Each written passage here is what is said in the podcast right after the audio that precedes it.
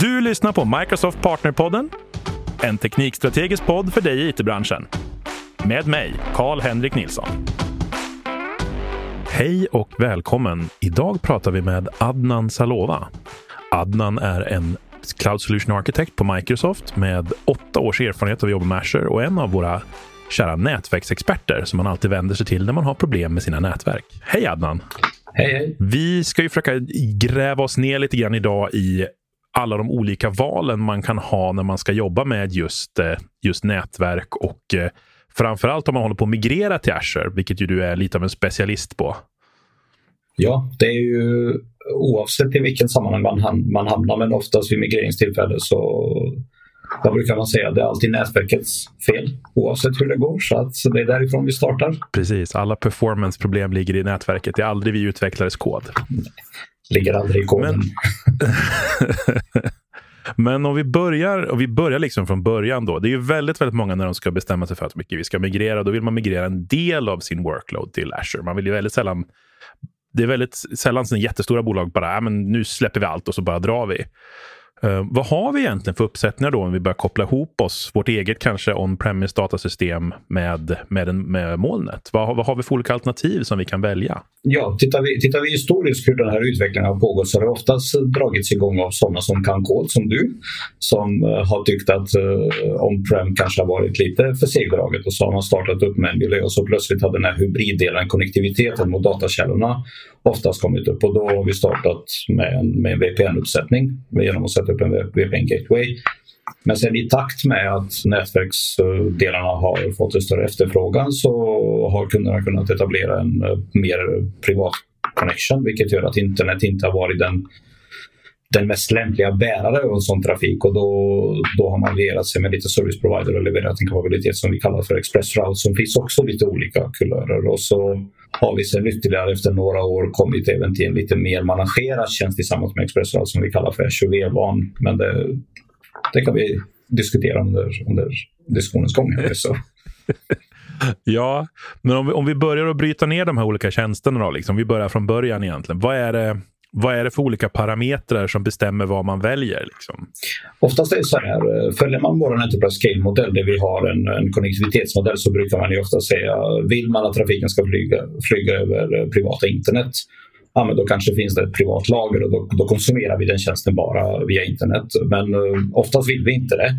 Utan vi vill ju kanske ha ett SLA, vi vill kanske ha lite performance, vi vill ha lite data på hur pass proaktiva vi kan vara i den komponenten och det är då vi kommer in till en VPN-uppsättning där trafiken har internet som bärare men kommer att uh, termineras in i sektorn och vara krypterat från punkt till punkt. Det är den delen av det enklaste slaget vi har. Det är den snabbaste delen att komma. Många av våra kunder har krav dessutom att en sån konnektivitetsmodell ska termineras i deras CPE och CPE kan vara både en premises-enhet som en router men också en brandvägg och i det här fallet är vi terminerade i brandväggen så det är väldigt naturligt att folk går för, för, för en VPN-aktivitet. Och då kopplar man liksom ihop egentligen sitt eget nätverk redan på en det blir ju inga vad heter det, klienter då, utan då är man ju liksom fysisk nätverksanslutning till en virtuellt nät i, i Azure så att säga. Absolut, det, det, är precis det man gör. Det man gör det är att man eh, allokerar en IP-range och det man skapar, man skapar en, helt en, ett nytt VLAN eller ett nytt, ett nytt LAN-segment i sin uh, hybrida topologi. Och vad är det då, skulle du säga, som gör att man kanske väljer att gå vidare ifrån då till exempel virtuella nätverk och kliva in då till exempel i Express Route? När man byter ifrån, eh, ifrån VPN till ExpressRoute så brukar man ju oftast göra det på grund av att kraven ökar. Vi måste ha bättre prestanda. Vi vill inte att trafiken ska flyga över de här internetförbindelserna, vilken, vilket gör att en felsökningskälla blir väldigt svårt att hitta för att om det inte är fel i den terminerande eh, komponenterna så det är väldigt svårt att felsöka internet om jag ska vara ärlig. Det är ingen som vill ta ansvar för det. Utan, och det är i de, i de scenarierna där vill vi att trafiken ska vara mer... Den, den ska vara ett eh, SLA som bär från punkt till punkt. Det ska vara bättre prestanda, det ska vara mer förutsägbart. Och du kan kapacitet öka och minska precis som du vill. Det är då man tittar på ExpressRoute. Precis, för att om jag tänker så här lekmannaförklaringen av det vi egentligen menar med ExpressRoute, det är just att man har ett avtal med en en fiberleverantör som gör att man kan få en mer direkt koppling då till, till ett datacenter. Mm. Man kan både köpa ett Ethernet-kapacitet, men det behöver vi inte komplicera med nu. Men det är sant som du säger, man ska ha en provider emellan som ska kunna leverera den här förmågan. Sen får man inte glömma bort att när man har en provider emellan, det är ju att du för, oftast, för det mesta har du ett van. Om man tittar på hur man kopplar upp sina sajter, då brukar man nyttja av MPLS eller vad man har för vankapabilitet. Sen brukar man ju välja förhoppningsvis samma provider eller en annan provider att leverera kapabiliteten av en, av en, av en för det är också en VPN-uppkoppling fast i det privata nätverket, en eh, uh, DMVPN-koppling till, till detta. Man får inte glömma bort att man har en part man beställer det men det är fortfarande två parter som kommer att behöva hantera ett eventuellt felsökning. Det som händer bakom våra edge-enheter där vi tar emot trafiken och det som händer fram till de enheterna. Så man får, man får ändå ha med det att har jag till exempel TV eller Quinix eller Verizon eller vilka jag har och så har en expressroute och nu får jag en prestandaproblem. Då kommer jag alltid behöva felanmäla både till vanleverantören som levererar expressroute-kapabiliteten som en, som en connection-parameter eh, men också till Microsoft som till oss från Microsoft som äger själva gatewayn där vi, och edge device där vi terminerar expressroute-trafiken. Ja, precis. För vi ska kunna göra någon, någon typ av felsökning från alla olika håll. Liksom. Du nämner ju performance här lite grann. Att man, kan väl gå till Expressroute om man önskar en högre performance och så vidare. Och jag, jag jobbar ju mycket med partnersegmentet, så jag jobbar ju nästan uteslutande med Microsoft Partners. Och, och ändå, fast man då jobbar med de här människorna som kan väldigt mycket om Azure, så upplever jag att ibland finns det en, en bild av att man kommer att tappa performance jämfört med kanske ha ett, ett datacenter. Um, men börjar man titta, liksom, både våra VPN-tjänster och Expressroute börjar bli fruktansvärt snabbt. Och det är ju som vanligt, vi hamnar i det läget där vi säger att nätverket, det är nätverkets fel. Men oftast är det så i, i, ett, i ett hybridscenario, i ett fragmenterat landskap av olika resurser på hur vi positionerar våra komponenter av det vi nyttjar dagligen, så spelar det ingen roll vad för kapabiliteter vi har på varsin sida. Ponera på att en databaslager är fortfarande on-prem, men, men fronten av den applikationen eller konsumtionen av den fronten ligger i Amsterdam eller Dublin då kan vi förstå att en 20, 20 millisekunders latency mellan de här två olika eh, delarna kommer att skapa oro. Någonting som kanske var submilli när man hade det i samma rack och just terminerade i samma SAN. Så, så det handlar ganska mycket om en, en, ganska noggrann planering på när man migrerar. Att det ska, man ska assessa sina delar, man ska jobba med sin service map eh, där man, där man får fram Eh, vad pratar med vad och behöver allt prata med allt. Och Det är ju de delarna som vi oftast upplever att ja, men här har vi dålig prestanda. När egentligen har vi kanske valt att bara ta en applikation som är byggt som det var innan och valt bara att klippa en del av den och lägga den upp i Azure. Då, då skapar vi, då, då skapar vi sådana, sådana utmaningar. Sen får vi inte underskatta delen att eh, bortsett från att vi har en region som kommer snart här eh, väldigt, väldigt nära oss. Vi har oavsett vilken leverantör vi har, vi har en latency på 20-25 millisekunder till Amsterdam eller Dublin. Det får vi bara acceptera. Och blir det så att våra applikationer eller våra integrationer inte tål den latencyn, då ska man ju titta på hur gör vi Måste vi skriva om applikationen? Måste vi designa om någonting i den, i den pattern av uh, hur, vi, hur, vi konsumerar, hur vi konsumerar själva applikationen? Eller vänta lite till tills vi kan erbjuda någonting som kommer att ha betydligt bättre latency än vad Amsterdam och Dublin har. Ja, men precis. Och, och, det är väl egentligen mest ljusets hastighet som är, som är problemet här, att vi har de här millisekunderna. Det, det tar tid för ljuset att nå dit det ska. Så är det.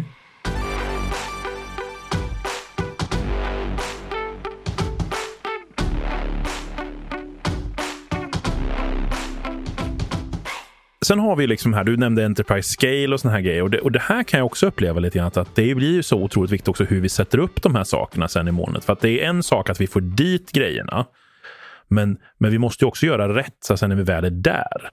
Ja, absolut. Eh, tittar man på, vi är inte den enda cloud-leverantören som gör det, men uh, om man tittar på vår Cloud Action Framework så pratar vi väldigt mycket initialt innan vi är redo för någonting på ja, men vad är vår strategi? För vi pratade om förut om migreringen. Den har förmodligen initierats av ett strategiskt beslut som bygger antingen på ekonomiska incitament, på en compete eller vad det må vara. Och sen kommer vi in i delen där vi ska ha en governance-modell kring hur styr vi? Alltså vi ska applicera en strategi på någonting, men vi vill ändå fortfarande inte tappa kontrollen över vissa saker för det är vårt IP och bygger hela vårt rykte kommer att byggas eller falla på det. Det är klart, då ska vi ha en governance-modell på det. När man är redo för de delarna, det är då man kommer in i Enterprise Scale Landing Zone-bitarna där vi har en, en set av olika design både åsikter men också rekommendationer på hur man bör göra detta. Det här brukar man göra i workshopformat med våra kunder där konnektiviteten är den, en av de tyngsta topicarna man brukar, man brukar prata om. Och eh, följer man de modellerna, för där pratar vi inte bara om en konnektivitetsmodell till Azure, vi pratar en konnektivitetsmodell inom Azure. Vi pratar om konnektivitet, hur våra konsumenter konsumerar våra tjänster till Azure, men också hur accessar vi någon annans tjänst ifrån Azure, vilket gör att komplexiteten ökar och då vill man ju bygga en baseline som är kanske lämplig för alla och inte bara att varje gång man behöver lasta på en ny sak, att då ska man försöka uppfinna hjulet från början. Utan det här är ju det är därför det kallas för Enterprise Scale. Vi ska skala det ska vara storskal, storskalbarhet på lösningen. Precis. Jag tycker det är väldigt intressant också att du tar upp det här med just att man måste också tänka på hur nätverket ska fungera inne i sin molntjänstuppsättning, innan sina, sina subscriptions och allting som kommuniceras och så vidare mellan. För att det är inte bara att slänga upp allting där, utan det är jag ser många gånger folk börjar sätta upp DMZ-zoner, man sätter upp massor med olika V-nät, man måste tänka på peering mellan dem, hur man sätter upp peering på mest effektiva sätt och såna här grejer. Har du några bra, några bra grejer om man ska börja planera för det här som man verkligen måste tänka på? Mm. Det var så här att om, man, om man backar lite tillbaka några år när man startade med Azure-resan så byggde varje grupp sin egen virtuella nätverksobjekt, vilket är egentligen en logisk behållare av vissa komponenter. Och sen eh, kom, komplicerar vi våra subnät som kan likställas med VLAN-topologi och i det subnätet så kommer det alltid att finnas ett IP som är oftast knutet till en, till en nick eller till en tjänst som konsumerar det IP. Initialt var utvecklarna ganska eh, coola med det här. Det kan vara frikopplat, vi kan göra vad vi vill och sådär. Men så kommer vi till den här integrationsdelen. Att amen, eh, mitt vinet A ska prata med vinet B. Vi har i våra miljöer, trots att vi skala så stora våra kunder. Två virtuella nätverksobjekt eller två logiska enheter pratar aldrig med varandra förrän du säger vad vi, att de ska få göra det. Och det var då vi kom fram till att ja, men, vi började prata om något som kallas för hub and spoke-modell. Där vi ska kunna ha en, en central managerad vinet med alla våra shared services och sen knöt vi alla de tjänsterna och för att enabla det, det var då vi tog fram tjänsten för Vinet Peer där man pirar ihop två olika objekt.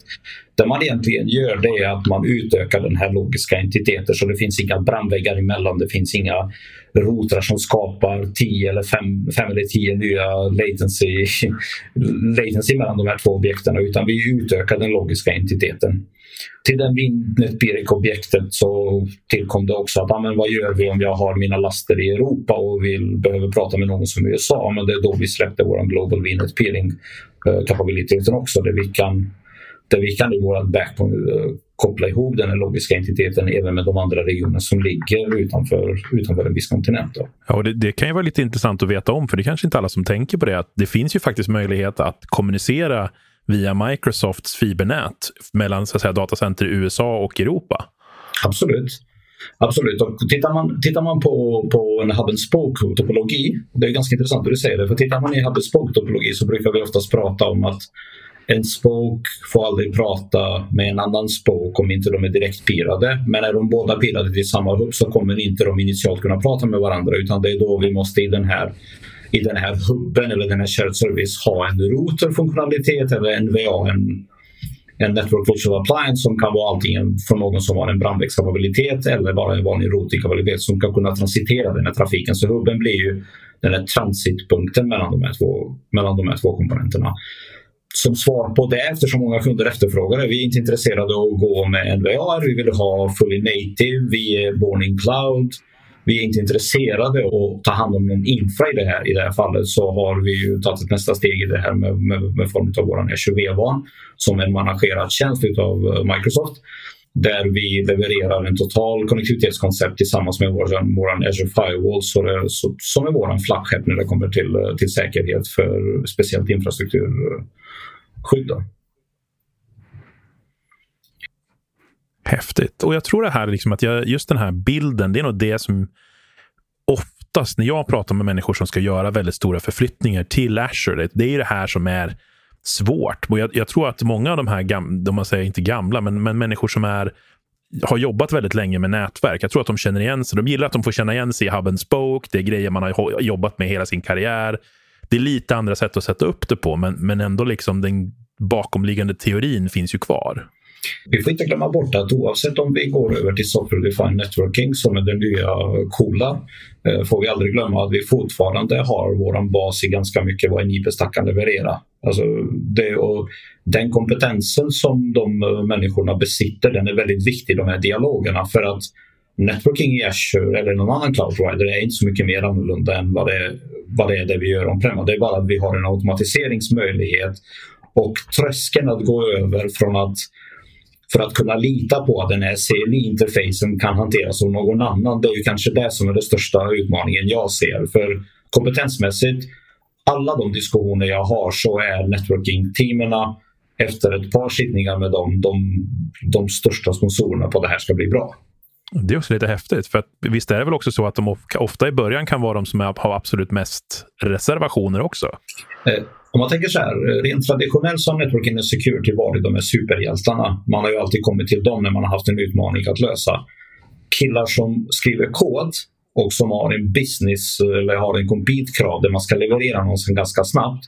Där time to market är väldigt, väldigt kort. Då ska man ju snabbt ut med någonting. Då har man ju då har man byggt upp en ö och sen har man i traditionella fall behövt gå till de här nätverkssäkerhetskillarna och sagt hur kopplar vi ihop det? Och där har man fått smiss på fingrarna för att det kan vara så enkelt att det är en överlappande IP-adress range. Vi kommer aldrig kunna koppla ihop det för då kommer den här fabriken plötsligt sluta funka eller det här kontoret i Göteborg kommer sluta funka och det är inte acceptabelt. Så det är därför det är jätte, jätteviktigt att få med de här människorna med på tåget från, från dag ett. Ja, precis. Och jag, jag ser ju liksom också det här hela tiden i, i de här dialogerna vi har. Och jag, jag, tycker det är så jäkla spännande att se just vart vi är på väg i det här.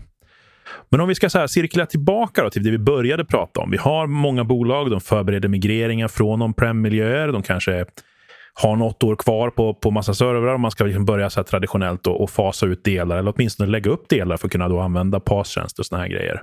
Om du skulle ge så dina bästa tips för hur man börjar planera för det här, vad, vad skulle du, vad skulle du liksom säga? Tänk på det här.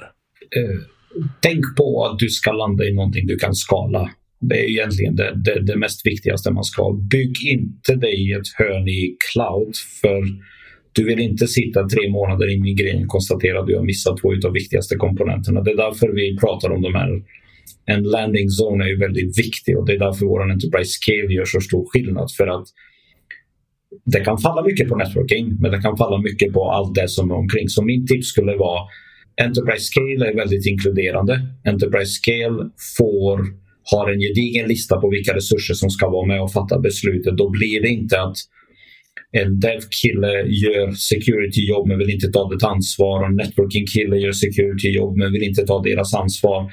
För att någonstans måste den här gruppen enas och folk måste sitta i samma rum och börja prata. Det enda vinnande konceptet. Det här är inte en enmansshow, det är inte en partnershow utan det brukar vara blanda in oss där ni har möjlighet. Ta med en bra partner som, som har gjort det här innan. Se till att ni är staffade för lika mycket tid som vi och partner lägger lika mycket tid måste kunden också. Och då blir den här heliga stressamheten brukar ofta vara en vinnande koncept.